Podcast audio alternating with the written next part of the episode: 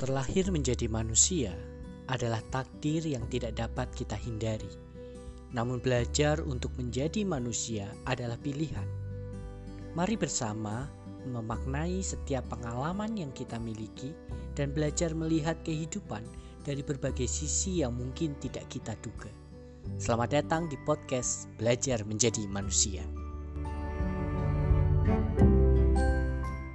Uh, hari ini aku nggak sendirian, jadi aku mengundang temanku yang sangat-sangat jauh dari Lampung. Namanya Nanda. Say hello Nanda. Halo semuanya.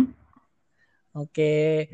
Nah, teman-teman ini temanku Nanda ini kami ketemu di Jakarta salah satu STT yang pernah aku apa tinggali yang pernah aku coba cicipi. Nah, sekarang kita mau ngobrol-ngobrol tentang ya sharing aja tentang kehidupan, tentang uh, kondisi corona ini dan uh, kondisi kami masing-masing. Kalau boleh tahu sih, Nanda sekarang uh, karena kemarin kan aku tahu kamu kerja di mana? Di Kosbel di Jakarta. Sekarang ke Lampung bikin bimbel sendiri. Mm -mm. Ya. Hanya kok bikin, bikin bimbel sendiri di Lampung? Iya. Uh, sebenarnya kemarin itu rencana untuk bikin bimbel itu udah dari udah sejak lama ya buka bimbel sendiri tapi belum ada modal. Namanya buka bimbel kita butuh tempat, butuh modal kan. Nah, jadi setelah ya setelah modal terkumpul tadinya mikir nanti deh setelah rumah kita selesai gitu kan baru kita buka sendiri di rumah sendiri Nah, karena ada pandemi ini, mau nggak mau ya kita harus tetap produktif. Bimbelnya tempat aku sendiri tuh bentar lagi udah mau tutup, gitu kan. Aku akhirnya ya muter-muter-muter otak sebelum PSBB aku balik ke Lampung, pulang ke rumah orang tua gitu kan. Kalau di rumah orang tua kan lebih lebih sedikit meringankan gitu. Karena efek-efek uh, corona ini ya pastinya ke ekonomi yang pertama ya. Nah, jadi sampai di rumah orang tua, aku mikir apa yang bisa aku lakukan. Nah, aku kepikiran tuh buka bimbel, tapi bukan hanya offline, juga online. Nah, jadi kita mulai buka online class sama uh, offline class gitu kan. Terus selain buka bimbel, kita berpikir lagi apa yang bisa kita lakukan. Karena buka bimbel untuk cari murid ya nggak segampang balikin telapak tangan dong. Yeah. Nah, akhirnya kita mikir, uh, aku lihat tuh di samping rumahnya orang tua aku kebetulan ada kolam. Nah, kepikiran deh apa yang bisa dilakuin dengan kolam itu. Nah, akhirnya dapat ide mau ternak lele. Ya udah, kita bersihin uh, kolamnya dibersihin dan kita ya mulai coba lah untuk ternak lele. Hmm. So, ya, dari di apa kondisi uh, corona ini kan jelas maksudnya semua terdampak khususnya tadi kamu bilang ekonomi. Lalu gimana kamu narik siswa-siswa untuk mau belajar bimbel dengan kamu di bimbel yang baru ini? Nah, kebetulan di bimbel yang lama hampir 80% muridnya itu eh, lebih suka diajar sama aku sendiri ya. Kalau mereka bilang Miss Nanda Miss favorit gitu ya. mereka belum lihat kalau Miss Nanda marah. Jadi uh, itu bikin aku sedikit percaya diri. Karena waktu pas aku sakit kemarin aku libur satu minggu itu murid-murid pada mogok pada gak mau belajar. Gitu. Terus sampai ada yang bilang aku nggak mau les dulu deh selama Miss Nanda sakit gitu. Jadi dari situ aku mikir aku bisa dapat murid bukan bukan mencuri loh ya bukan curi murid orang. Hmm. nah terus kebetulan juga aku promosiin lewat sosmed. Jadi lewat kayak Facebook, Instagram, WA, dan uh, YouTube juga. YouTube channelnya aku, aku promosiin. Ya puji Tuhan ada aja yang daftar dari Kalimantan, dari Surabaya. Ya jauh-jauh sih yang untuk online. Itu dari Kalimantan online tuh? Iya, online. Kelas 6 SD. Ih, mantap. Terus pembayarannya via transfer semua berarti? Transfer. Karena kita jadi sistem pembayaran kita itu ya per jam, jadi cukup murah dan cukup terjangkau lah ya. Oh gitu. Nah, dia tinggal, maksudnya per pertemuan, bukan per jam, sorry, per pertemuan. Jadi dia cukup tinggal pilih mau kelas uh, grup atau private. Kalau private pasti lebih mahal dong. Kalau grup berarti satu kelas itu isinya maksimal enam orang. Hmm. Uh. kamu pakai kalau misal secara online gitu, kamu pakai aplikasi apa gitu? Ya, aplikasi yang lagi naik daun sekarang ini loh, Mas Alep. Oh, Zoom tuh. Zoom yo Zoom. Selain aplikasi Zoom, aku juga buat video-video belajar kayak rumus-rumus matematika yang lebih gampang diingat sama anak-anak. Kayak contohnya nih, eh, rumus Jokowi gitu. Nah, itu kan anak-anak jadi lebih gampang ingatnya. Tahu nggak rumus Jokowi? Halo? Wah, masa alatnya hilang nih.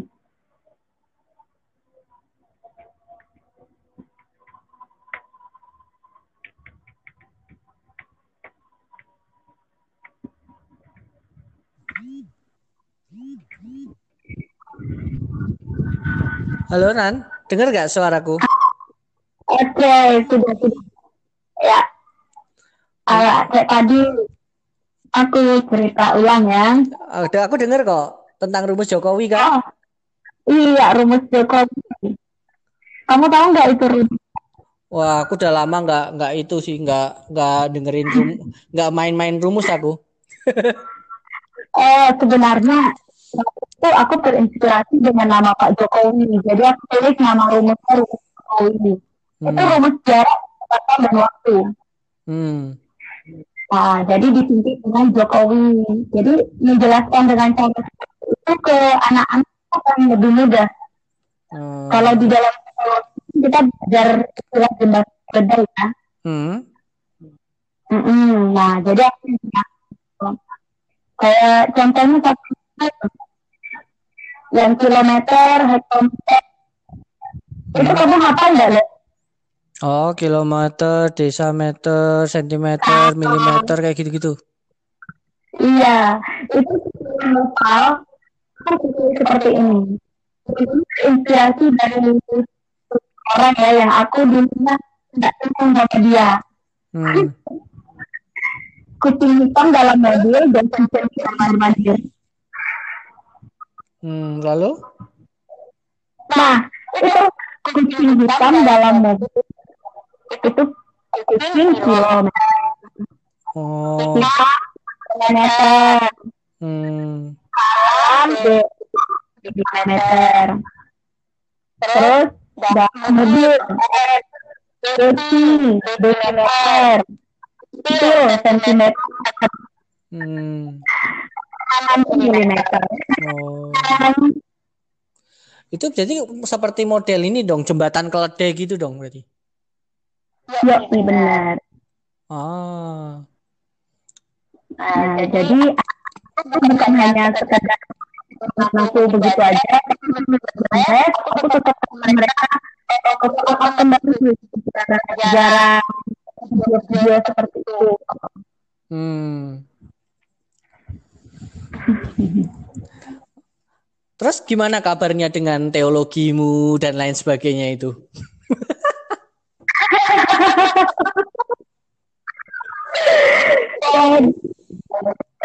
Pertanyaannya mikir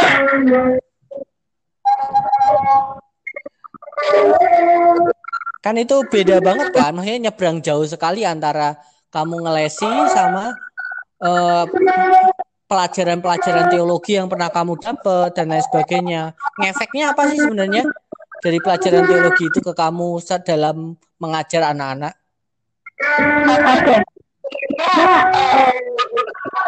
belajar teologi, pelajaran itu teologi ke anak-anak.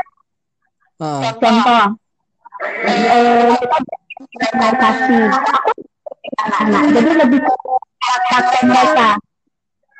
Kemudian menjawab anak-anak mereka paham dengan gitu. Hmm. Nah, contohnya ini di kelas aku. Ini di sini ada suara dengar ya. Mau denger eh, biarin dulu aja maksudnya nggak usah dilanjutin dulu kita dengerin dulu aja. Jadi selingan ya teman-teman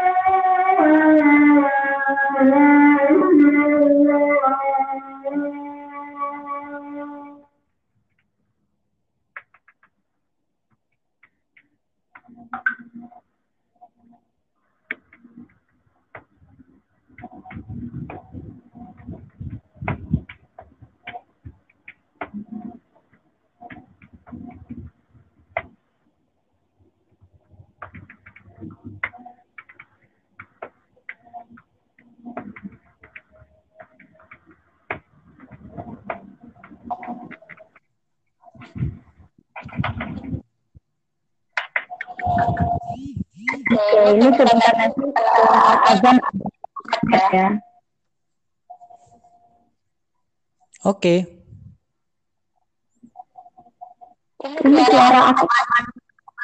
Masuk kok suaramu? Tapi mantul aku lagi.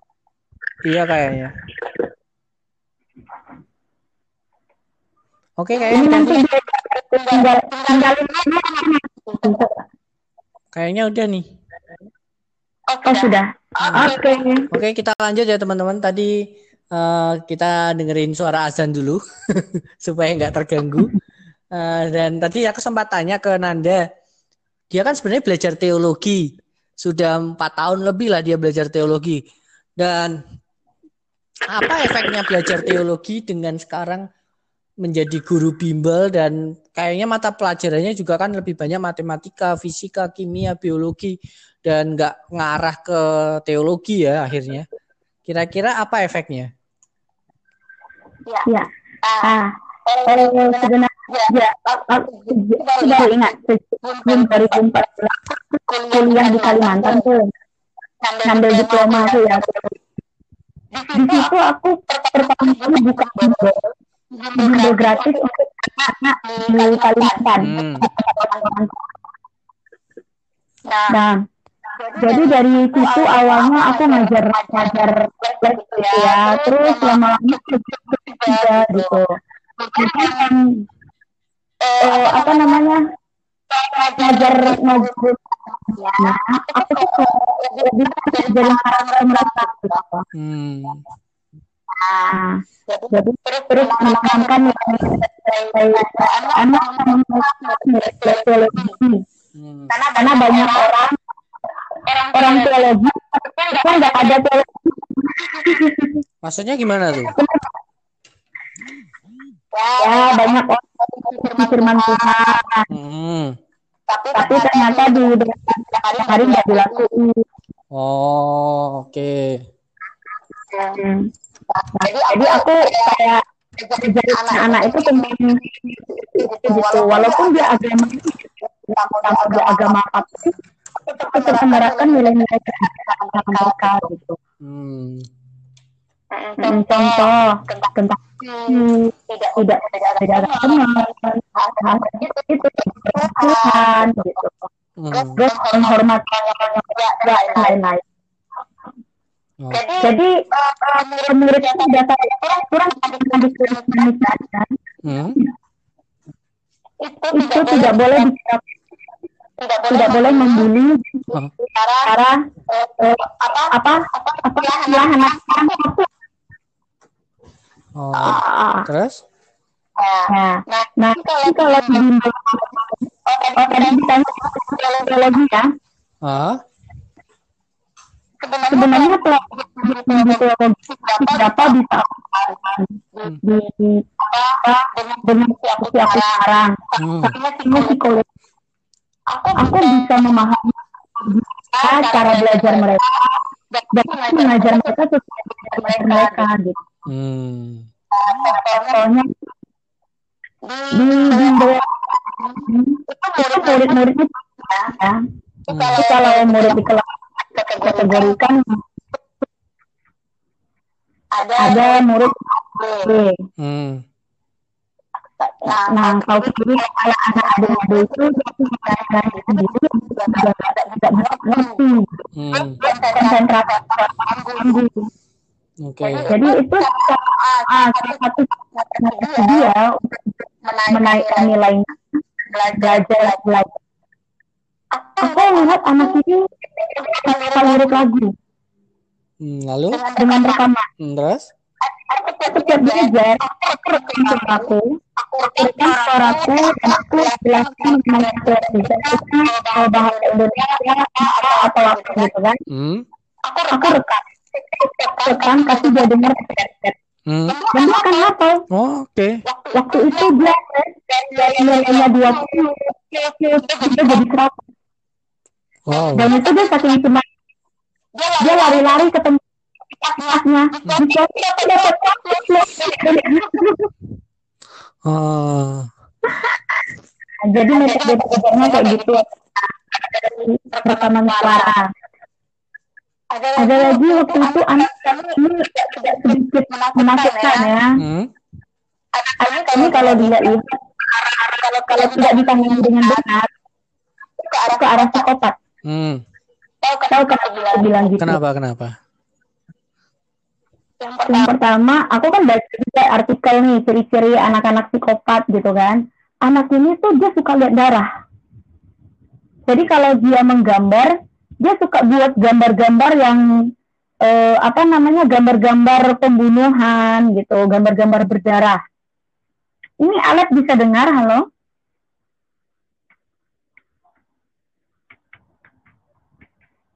Ini keputus ya, Lek, ya? Enggak, bisa bisa. Oh bisa. Ya. Jadi anak ini kalau cewek, cewek. Nah, dia itu mukul temannya itu pakai berdarah.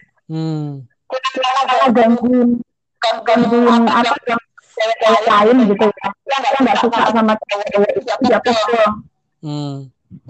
Teman-teman yang lain sama dia. Hmm. Yang uniknya lagi di les Hmm. di kelas di kecil sampai tembus ke sebelah.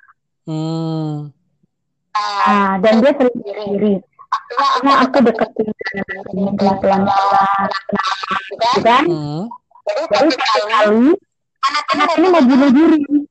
Teman-teman lain pada ya aku datang itu jangkar jadi pakai jangkar itu Hmm. kan?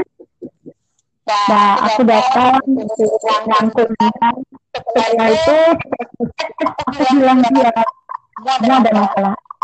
Apa? Dan dia cuma jawab saya mau mereka mati. Hmm. itu sebagai guru horor ya. Hmm. cuma berdua di murid yang seperti itu ya tapi tetap akhirnya dikatakannya untuk psikolog dan kita arahkan orang-orang ke psikolog Hmm. ya Hmm. ya begitu deh Ini menarik. Ya, uh, thank you loh Nanda udah mau share di podcastku dan kita bisa belajar satu hal teman-teman bahwa ternyata belajar teologi itu nggak harus jadi pendeta loh. belajar teologi nggak harus eh, nggak uh, harus jadi apa? Jadi hamba Tuhan di gereja, nggak harus jadi guru di sekolah, tapi juga bisa eh, jadi apa ya entrepreneur seperti model Nanda ini. Ya, supaya kita juga bisa jadi berkat bagi orang lain. Betul. Aku eh, kita selalu bukan di mimbar, bukan hanya di dalam gereja, tapi pelayanan kita itu berada. Iya. Yep. Nah, eh, satu lagi yang saya cerita, ini murid saya OSM, uh pelajarannya fisika. Nah, aku ini SMA ada pelajaran fisika. Dan itu fisika. Jadi aku bilang Miss Nanda tuh gitu kan. Terus muridku bilang, tapi aku nggak ini pokoknya dari YouTube, dari Google, dari hasil ya. Hmm. Udah, nah sendiri satu minggu ajarin dia. Ajarin dia ada satu yang aku nggak ngerti gitu. Dan kita cari-cari mama tuh bingung. Muridku bilang seperti itu. Tapi agamanya beda. Bukan orang Kristen. Nah, eh, muridku bilang gini, nanti kalau tahu jawabannya, aja, nyanyi apa? Di saat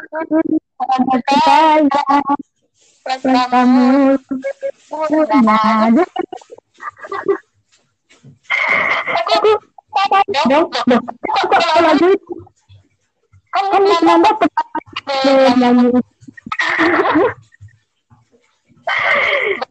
aku jadi? Aduh. Itu nyanyi lagu aku kayak dibilang secara dibilang kata aja hmm, terus? Ya udah. Udah. Kan ada murid. Agama Kristen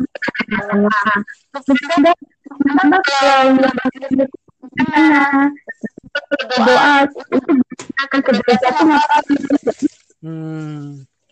kan bisa jadi hmm itu yang yang paling sama mereka adalah nyontek. Hmm.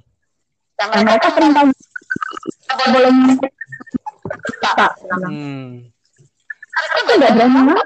Hmm. Biar nggak dia.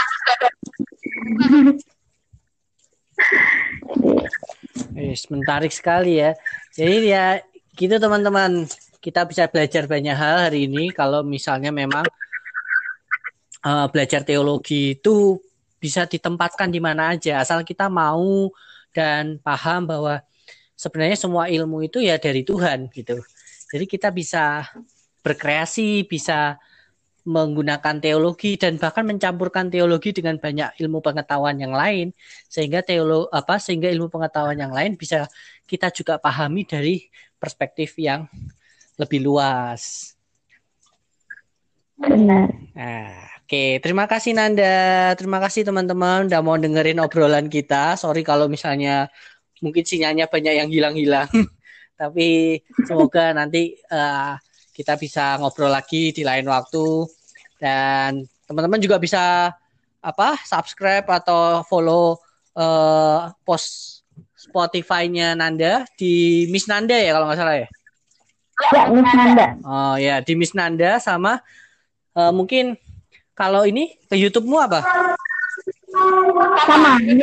Ah, YouTube VN. Oh, VN apa? VN Glory Course. VN Glory Course. Jadi teman-teman kalau misalnya adik-adiknya ada yang kurang paham atau ada mata pelajaran matematika yang sulit, coba cek di VN Glory Course. Siapa tahu uh, Miss Nanda udah bikin tutorial di sana. Nah, kalian bisa ikuti lah itu sambil belajar-belajar. Oke. Terima kasih Nanda sekali lagi. Sampai jumpa lagi di kesempatan selanjutnya. Ya, Bye